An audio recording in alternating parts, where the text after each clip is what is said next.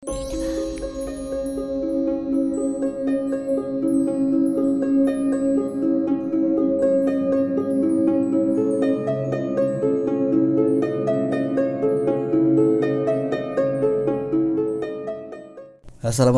warahmatullahi wabarakatuh. Salam sejahtera untuk kita semuanya. Kenalkan, saya Denny dari Rumah Horor Indonesia. Dan hari ini saya akan membacakan Misteri Kamar Mandi Sekolah. Oke, ini ceritanya ya. Namaku Reza, aku sekolah di salah satu SMA swasta di kota Bandung. Sekarang aku beranjak naik ke kelas 2 kelas 11 ya.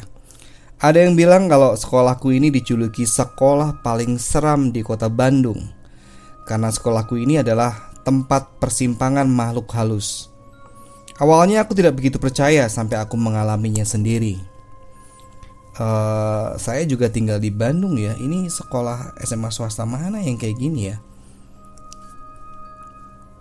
Sekitar jam 5 sore aku masih latihan basket di lapangan sekolah karena minggu depan ada turnamen antar SMA. Jadi sampai saat ini anak-anak basket latihan lebih lama daripada biasanya. Bro, aku ke kamar mandi duluan ya, kataku kepada teman-temanku. Aku berjalan dengan tenang melewati lorong kelas yang sudah tampak gelap dan sepi. Setibanya di kamar mandi, aku gantungkan tasku dan mulai mandi. Beberapa saat ketika aku mandi, tiba-tiba saja lampu kamar mandinya mati. Aku berhenti menyiram tubuhku dan mulai mendekatkan telingaku ke pintu. Dengan harapan aku tahu siapa orang yang iseng mematikan lampu kamar mandi ini. Beberapa saat aku terdiam. Ternyata tidak ada suara teman-temanku. Aku membuka sedikit pintu kamar mandi untuk melihat keadaan di luar. Dan ternyata keadaan di luar pun sama gelapnya. Aku menutup kembali pintu lalu memakai baju. Aku pikir jika aku teruskan mandi sudah tidak kondusif lagi. Ketika aku sudah memakai bajuku, aku menggeserkan tubuhku sedikit ke kanan. Namun kakiku menginjak sesuatu. Dan ini seperti kaki seseorang. Aku mulai mundur beberapa langkah menuju tembok, dan di dalam kegelapan itu aku seperti merasakan ada seseorang bersamaku. Aku segera mengambil tas yang kugantungkan di belakang pintu, ah, namun karena panik aku pun terjatuh. Aku mulai membungkukkan badanku dan meraba-raba mencari tasku. Tiba-tiba aku mendengar suara yang sedang bernafas. Jelas sekali itu bukan suara nafasku. Hembusan nafas itu sangat kuat dan badanku mulai merinding. Keringat dingin mulai bercucuran di keningku. Aku ingin segera keluar dari sini. Aku mencari gagang pintu yang ada di sisi kiriku, namun pintu kamar mandinya susah terbuka dan dari arah belakangku angin dingin berhembus seperti meniupi pundaku. Suara hembusan nafas ini membuatku sangat takut. Aku memberanikan diri membalikkan tubuhku, namun tidak ada siapa-siapa. Jantungku kini semakin berdegup kencang. Aku ingin berteriak memanggil teman-temanku, namun aku tidak bisa. Tubuhku sekarang menjadi kaku Badanku sama sekali tidak bisa digerakkan.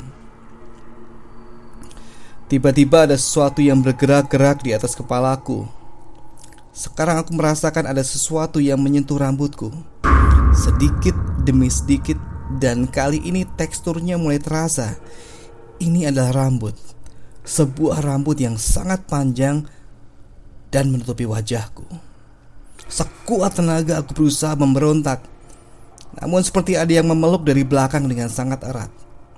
Aku semakin tidak bisa bergerak dan nafasku tidak bisa berjalan dengan lancar. Dan kali ini suara hembusan nafas itu terdengar jelas dari atas kepalaku. Aku mulai membaca doa di dalam hati sambil mengingat doa-doa yang aku hafal. Namun sulit sekali untuk mengeluarkan suara Sampai akhirnya aku bisa bergerak. Ketika aku lihat ke atas, nampak sebuah wajah dengan mata yang sangat merah. Hanya beberapa detik saja aku melihat sosok itu dan tidak lama sosok itu menghilang. Badanku yang kaku sudah bisa aku gerakkan dan aku segera berlari keluar. Di depan aku bertemu dengan teman-temanku yang sudah menunggu di pos satpam. Aku segera menceritakan kejadian tadi kepada teman-temanku dan temanku pada kaget. Lalu ceritaku ditanggapi oleh seorang satpam yang mengatakan bahwa aku memang salah. Aku salah karena sudah memakai kamar mandi itu. Konon, sejak dulu kamar mandi itu memang angker.